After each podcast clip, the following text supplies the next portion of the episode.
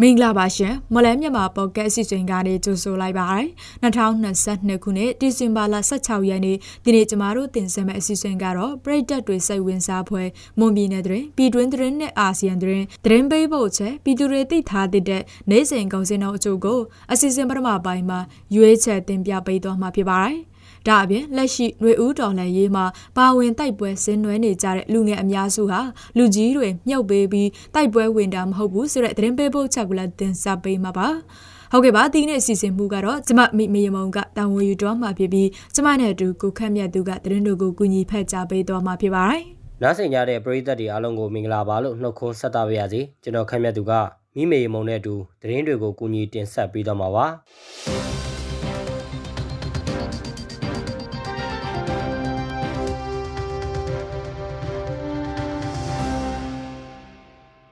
ရန်ကုန်မလမြိုင်လမ်းမကြီးကြိုက်ထုံမြို့နယ်ဘီလင်းမှဝေါ်ကိုဥတီလာတဲ့စစ်ကားလေးစီးပါစစ်ရင်တန်းကိုမနေ့ကမနေ့အစောပိုင်းကမိုင်းဆွဲတိုက်ခိုက်ခံခဲ့ရပြီးဒေဆုံးမှုရှိတယ်လို့တရားခံတွေစီကသိရပါတယ်။ မိုင်းဆွဲမှုကြောင့်ကားနှစ်စီးထိမှန်ခဲ့ပြီးတစည်းကလုံးဝပြက်စီးသွားခဲ့တာလို့ဆိုပါတယ်။ကားပေါ်ပါပြက်စီးတွေလမ်းမပေါ်ပြက်ကျဲခဲ့ပြီးထိခိုက်ဒေဆုံးအလောင်းတွေကိုစစ်ကောင်စီတပ်ကကားပေါ်သို့ပြန်တင်သွားပြီးပြက်စီးသွားတဲ့ကားကိုလည်းတခြားကားတွေနဲ့ဆွဲသွားခဲ့တယ်လို့မျက်မြင်တွေ့ရှိခဲ့သူတို့ကဆိုပါတယ်။စစ်တပ်အာဏာသိမ်းကာလအတွင်းကြိုက်ထုံနဲ့တခြားမြို့နယ်တွေမှာစစ်ကောင်စီကားတွေမကြာခဏမိုင်းဆွဲတိုက်ခိုက်ခံနေရတာဖြစ်ပါတယ်။ ကင်းပြည်နယ်ကော့ဂရိတ်မြို့တောင်ဘက်ချမ်းမှာအခြေစိုက်ထားတဲ့စစ်ကောင်စီတပ်စခန်းတွေရှိရာလှိုင်ဝါကုန်းကို KNL နဲ့ပူးပေါင်းကာကွယ်ရေးတပ်ဖွဲ့တွေကဒီကနေ့မနက်အစောပိုင်းမှာဝင်ရောက်စီးနင်းတိုက်ခိုက်ခဲ့ပြီးနှစ်ဖက်ပစ်ခတ်မှုတွေဇက်တိုက်ဖြစ်ပေါ်နေတယ်လို့မြေပြင်စီးရေးအခြေအနေသိရှိသူတွေကဆိုပါတယ်။လက်ရှိမှာလည်းစစ်ကောင်စီဘက်ကလက်နက်ကြီးတွေနဲ့ဇက်တိုက်ပစ်ခိုက်မှုတွေရှိနေတဲ့အတွက်ကော့ဂရိတ်တရားကျိုးအနီးမှာလည်းဖြတ်တန်းတဲ့ကားတချို့ပိတ်မိနေတယ်လို့ဒေသခံတွေကဆိုပါတယ်။ လက်ရှိအချိန်မှာလည်းစစ်ကောင်စီဘက်ကလက်နက်ကြီးတွေနဲ့ရွာတွေဘက်ကိုပစ်ခတ်နေတာတွေရှိသလိုလေကြောင်းပြန်တန်းနေတာတွေလည်းရှိနေတာကြောင့်စစ်ကောင်စီအခြေစိုက်ရာအနာကကြေးရွာအများစုထွက်ပြေးတိမ်းရှောင်နေကြရတယ်လို့သိရပါတ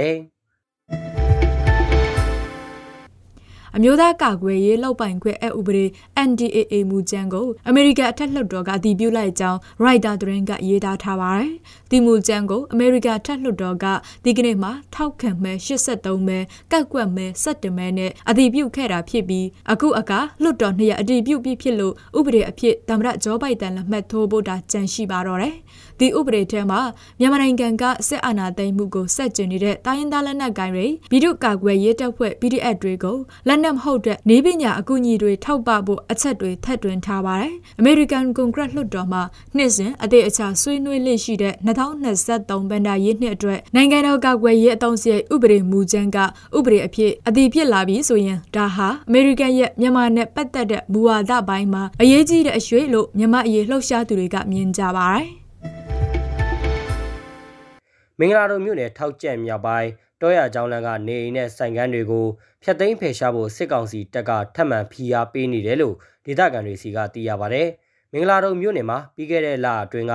ရက်ကွက်၅ခုကနေအိမ်တွေကိုစစ်ကောင်စီကဖယ်ရှားရှင်းလင်းပြီးအခုထပ်ပြီးတတိပေးချက်ထွက်ပေါ်လာတာဖြစ်ပါတယ်။အခုလိုဖျက်သိမ်းဖယ်ရှားဖို့တတိပေးစာပို့ခံရတဲ့နေအိမ်100နီးပါးရှိနေပြီးဒီဇင်ဘာလ22ရက်နေ့နောက်ဆုံးထားရွှေ့ပြောင်းဖို့ညွှန်ကြားခံထားရတာလို့သိရပါဗျ။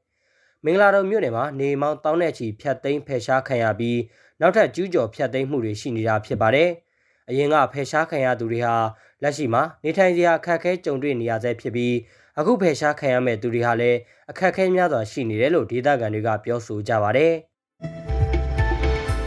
2022ခုနှစ်တစ်နှစ်အတွင်းမြန်မာနိုင်ငံမှာသတင်းတမား42ယောက်ထပ်မံထောင်ချခံခဲ့ရတယ်လို့နယူးယောက်အခြေစိုက်သတင်းတမားများကာကွယ်ရေးကော်မတီ CPJ ရဲ့နှစ်ပတ်လည်အစီရင်ခံစာမှာဖော်ပြထားပါတယ်။ပြီးခဲ့တဲ့2021ခုနှစ်မှာထောင်ချခံရတဲ့မြန်မာသတင်းတမားအယောက်30ပဲရှိခဲ့တာကြောင့်ပြီးခဲ့တဲ့နှစ်ထက်ဒီနှစ်မှာ12ယောက်ပိုထောင်ချခံရတာဖြစ်ပါတယ်။ ဒီ2022ခုနှစ်အတွင်းကမ္ဘာသဝသတင်းထောက်တွေထောင်ချခံရတဲ့အရေးအတွက်ဟာစံချိန်တင်မြင့်တက်ခဲ့တယ်လို့ CPJ ကထုတ်ပြန်ပါတယ်။အာရှနိုင်ငံတွေဟာကမ္ဘာပေါ်မှာသတင်းသမားတွေကိုထောင်ချတဲ့အဆိုးဆုံးနိုင်ငံတွေဖြစ်ပြီးအဲ့ဒီထဲမှာတရုတ်၊အီရန်နဲ့မြန်မာနိုင်ငံတို့ဟာအဆိုးဆုံးထိပ်တန်း၃နိုင်ငံအဖြစ်ရှိနေပါတယ်။ဒီလိုထောင်ချခံရတဲ့သတင်းသမားအရေးအတွက်များလာနေတာဟာကမ္ဘာတဝန်းဒီမိုကရေစီစနစ်ယွံ့ယွင်းပျက်စီးလာနေတာကိုပြသတယ်လို့ CPJ ဥက္ကဋ္ဌကပြောပါတယ်။ မြန်မာသတင်းသမားတွေမှတ်တမ်းတင်ထားတဲ့စီးရင်အရစစ်အာဏာသိမ်းပြီးနောက်မြန်မာနိုင်ငံမှာသတင်းသမား151ယောက်ဖမ်းဆီးခံခဲ့ရပြီး3ယောက်တပ်ဖြတ်ခံခဲ့ရပါတယ်။စစ်ကောင်စီဟာသတင်းမီဒီယာ73ခုကိုထောက်ဝေခွင့်ရနာထားပါတယ်။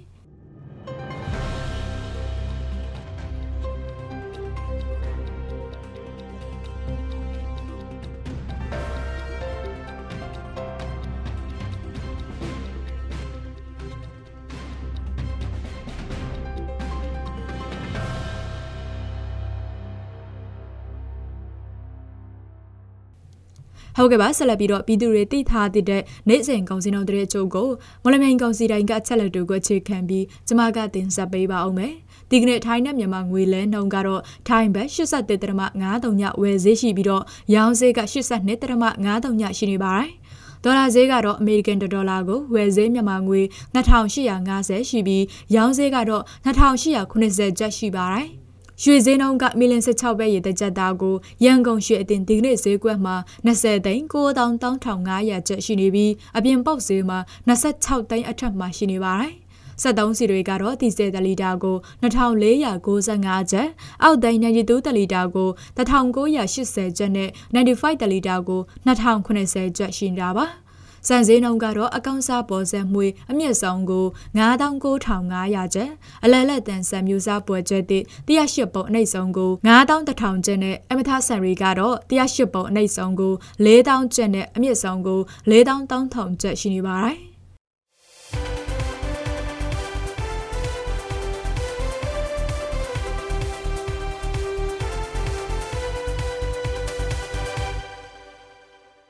အခုတင်ဆက်ပေးသွားခဲ့တာကဒီဇင်ဘာလ16ရက်နေ့မှာဖြစ်ပျက်ခဲ့တဲ့မွန်ပြည်နယ်တွင်ပြည်တွင်းသတင်းနဲ့အာဆီယံသတင်းတွေအပြင်တနိဒာစီစေးငွေစေးနဲ့အကောင်စင်းတော်တွေကိုတင်ဆက်ပေးသွားခဲ့တာဖြစ်ပါတယ်။ဆက်လက်ပြီးတော့လက်ရှိຫນွေဦးတော်လန်ရေးမှာပါဝင်တိုက်ပွဲဆင်နွှဲနေကြတဲ့လူငယ်အများစုဟာလူကြီးတွေမြောက်ပေးပြီးတိုက်ပွဲဝင်တာမဟုတ်ဘူးဆိုတဲ့သတင်းပေးပို့ချက်ကိုဒေါ်တာကတင်ဆက်ပေးပါမယ်ရှင်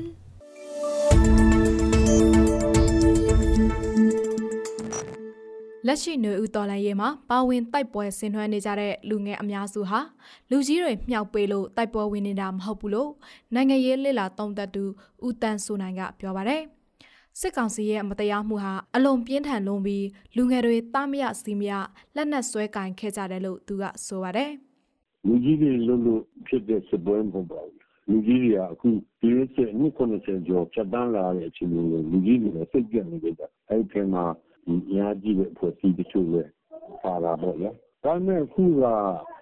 စစ်ကောင်စီရဲ့မတရားမှုတွေဖိနှိပ်မှုတွေအရမ်းပြင်းထန်တဲ့တန်လုံးလို့လူငယ်တွေကတားမရစီးမရလက်နဲ့ဆွဲတိုင်မှုဆုံးဖြတ်ကြတာပါ။အဲတော့အခုဒီဖြစ်လာတဲ့အခြေအနေဟာဟိုလူကြီးတွေလူတွေလူတွေကပြောက်ပြီးလို့လူငယ်တွေထပြီးလောက်ကြတယ်ဆိုတာဟာဒီစစ်ကောင်စီရဲ့လုပ်ရက်တွေကိုကာကွယ်လို့တဲ့ အချောင်းသမားအင်အားစုသက်သက်ရဲ့ပြောတာဆိုတာနဲ့ဖြစ်ပါတယ်။တကယ်ဘဝတွေမဟုတ်ပါဘူး။တကယ်ဘဝတွေကတော့အခုကတော့လူကြီးလူငယ်ညီညွတ်တယ်ဗျာနော်။အခုကခုလှုပ်ရှားမှုတွေလည်းပါတိုက်ပွဲထဲမှာပါဝင်ဖို့မိဘတွေကခွင့်ပြုတယ်။လူငယ်တွေကလည်းမိဘတွေကိုခွင့်တောင်းပြီးတော့တိုက်ပွဲထဲမှာပါဝင်ရတာ။အဲ့လိုပါဝင်လို့ဆုံးဖြတ်တာဟာစစ်ကောင်စီရဲ့အကြမ်းဖက်မှုတွေဟာဂျပန်ဖက်စစ်စနစ်တဲ့ဆိုးဝါးတဲ့အခြေအနေရောက်ရှိလာတဲ့အခါမှာ မခံမရနိုင်လို့လုပ်ကြတာအခုကလူကြီးလူငယ်ပေါင်းဆက်ပြီးတော့အခုကတော့တိုက်ပွဲဝင်အခြေအနေဖြစ်တယ်လို့ကျွန်တော်ကတော့သုံးသပ်ပါတယ်လူငယ်ကြောက်ဖြစ်ရတဲ့စစ်ပွဲတပွဲမှမရှိဘဲလူငယ်တွေအသေးခံနေရတယ်လို့လူမှုကွန်ရက်စာမျက်နှာတွေမှာရေးသားဖြန့်ဝေမှုတွေရှိနေပါတယ်။အလားတူလူငယ်တွေကြားမှာလည်းမြန်မာနိုင်ငံမှာဖြစ်ပွားနေတဲ့စစ်ပွဲတွေဟာလူငယ်တွေကြောက်မဟုတ်ဘူးလို့ပြောဆိုနေကြပါတယ်။ မြန်မာနိုင်ငံမှာစစ်ပွဲတွေဖြစ်ပွားရတာဟာစစ်အာဏာရှင်စနစ်ကြောင့်လို့မြန်မာနိုင်ငံလုံးဆိုင်ရာចောင်းသားများဒီမိုကရက်တစ်တပ်ဦး ABSDF မှပြောရေးဆိုခွင့်ရှိသူရဲဘော်အေးလွင်ကပြောပါတယ်စစ်ပွဲတွေဖြစ်တာကတော့စစ်အာဏာရှင်စနစ်ကြောင့်ပဲလေဟိုဟိုလူကြောင့်ဒီလူကြောင့်မဟုတ်ဘူးစစ်အာဏာရှင်စနစ်ကြောင့်ပဲစစ်အာဏာမသိမ်းဘူးဆိုရင်ဒီစစ်ပွဲတွေကကျွန်တော်ပြောတာအဲ့လောက်ထိ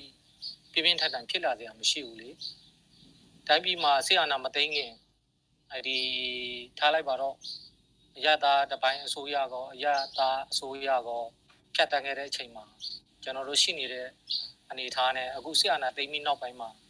မြန်မာပြည်မှာကြီးထွားလာတဲ့စစ်မဲ့ဖြစ်ပွားမှုတွေအခြေအနေက ဆရာနာရှင်စနစ်ကြောက်ပဲဟိုလူကြောက်ဒီလူကြောက်မဟုတ်ပါဘူးเนาะ 2023ခုနှစ်ဖေဖော်ဝါရီလ3ရက်နေ့မြန်မာစစ်တပ်ကနိုင်ငံတော်အာဏာကိုအယက်သားဆိုရထမှတင်ယူပြီးနောက်ပိုင်းစက်ကျင်စန္ဒပြမှုတွေနဲ့အတူလူငယ်တွေចောင်းသားတွေလက်နက်ဆွဲကင်ပြီးຫນွေဦးတော်လိုင်းရဲမှာပါဝင်ဆင်နွှဲလျက်ရှိနေကြပါတယ်ရှင်ကျွန်တော်တို့ရဲ့မော်လန်းမြန်မာပေါ့ကတ်စီစဉ်ဒီမှာတင်ပြီးဆုံးပါပြီ။နားဆင်ကြတဲ့ပရိသတ်တွေအားလုံးကိုနောက်နေ့စီစဉ်တွေမှာဆက်လက်အားပေးကြပါအောင်လို့ဖိတ်ခေါ်ရင်းအစီအစဉ်ကိုဆုံးသက်ပါရစေ။အားလုံးကိုကျေးဇူးတင်ပါတယ်ခင်ဗျာ။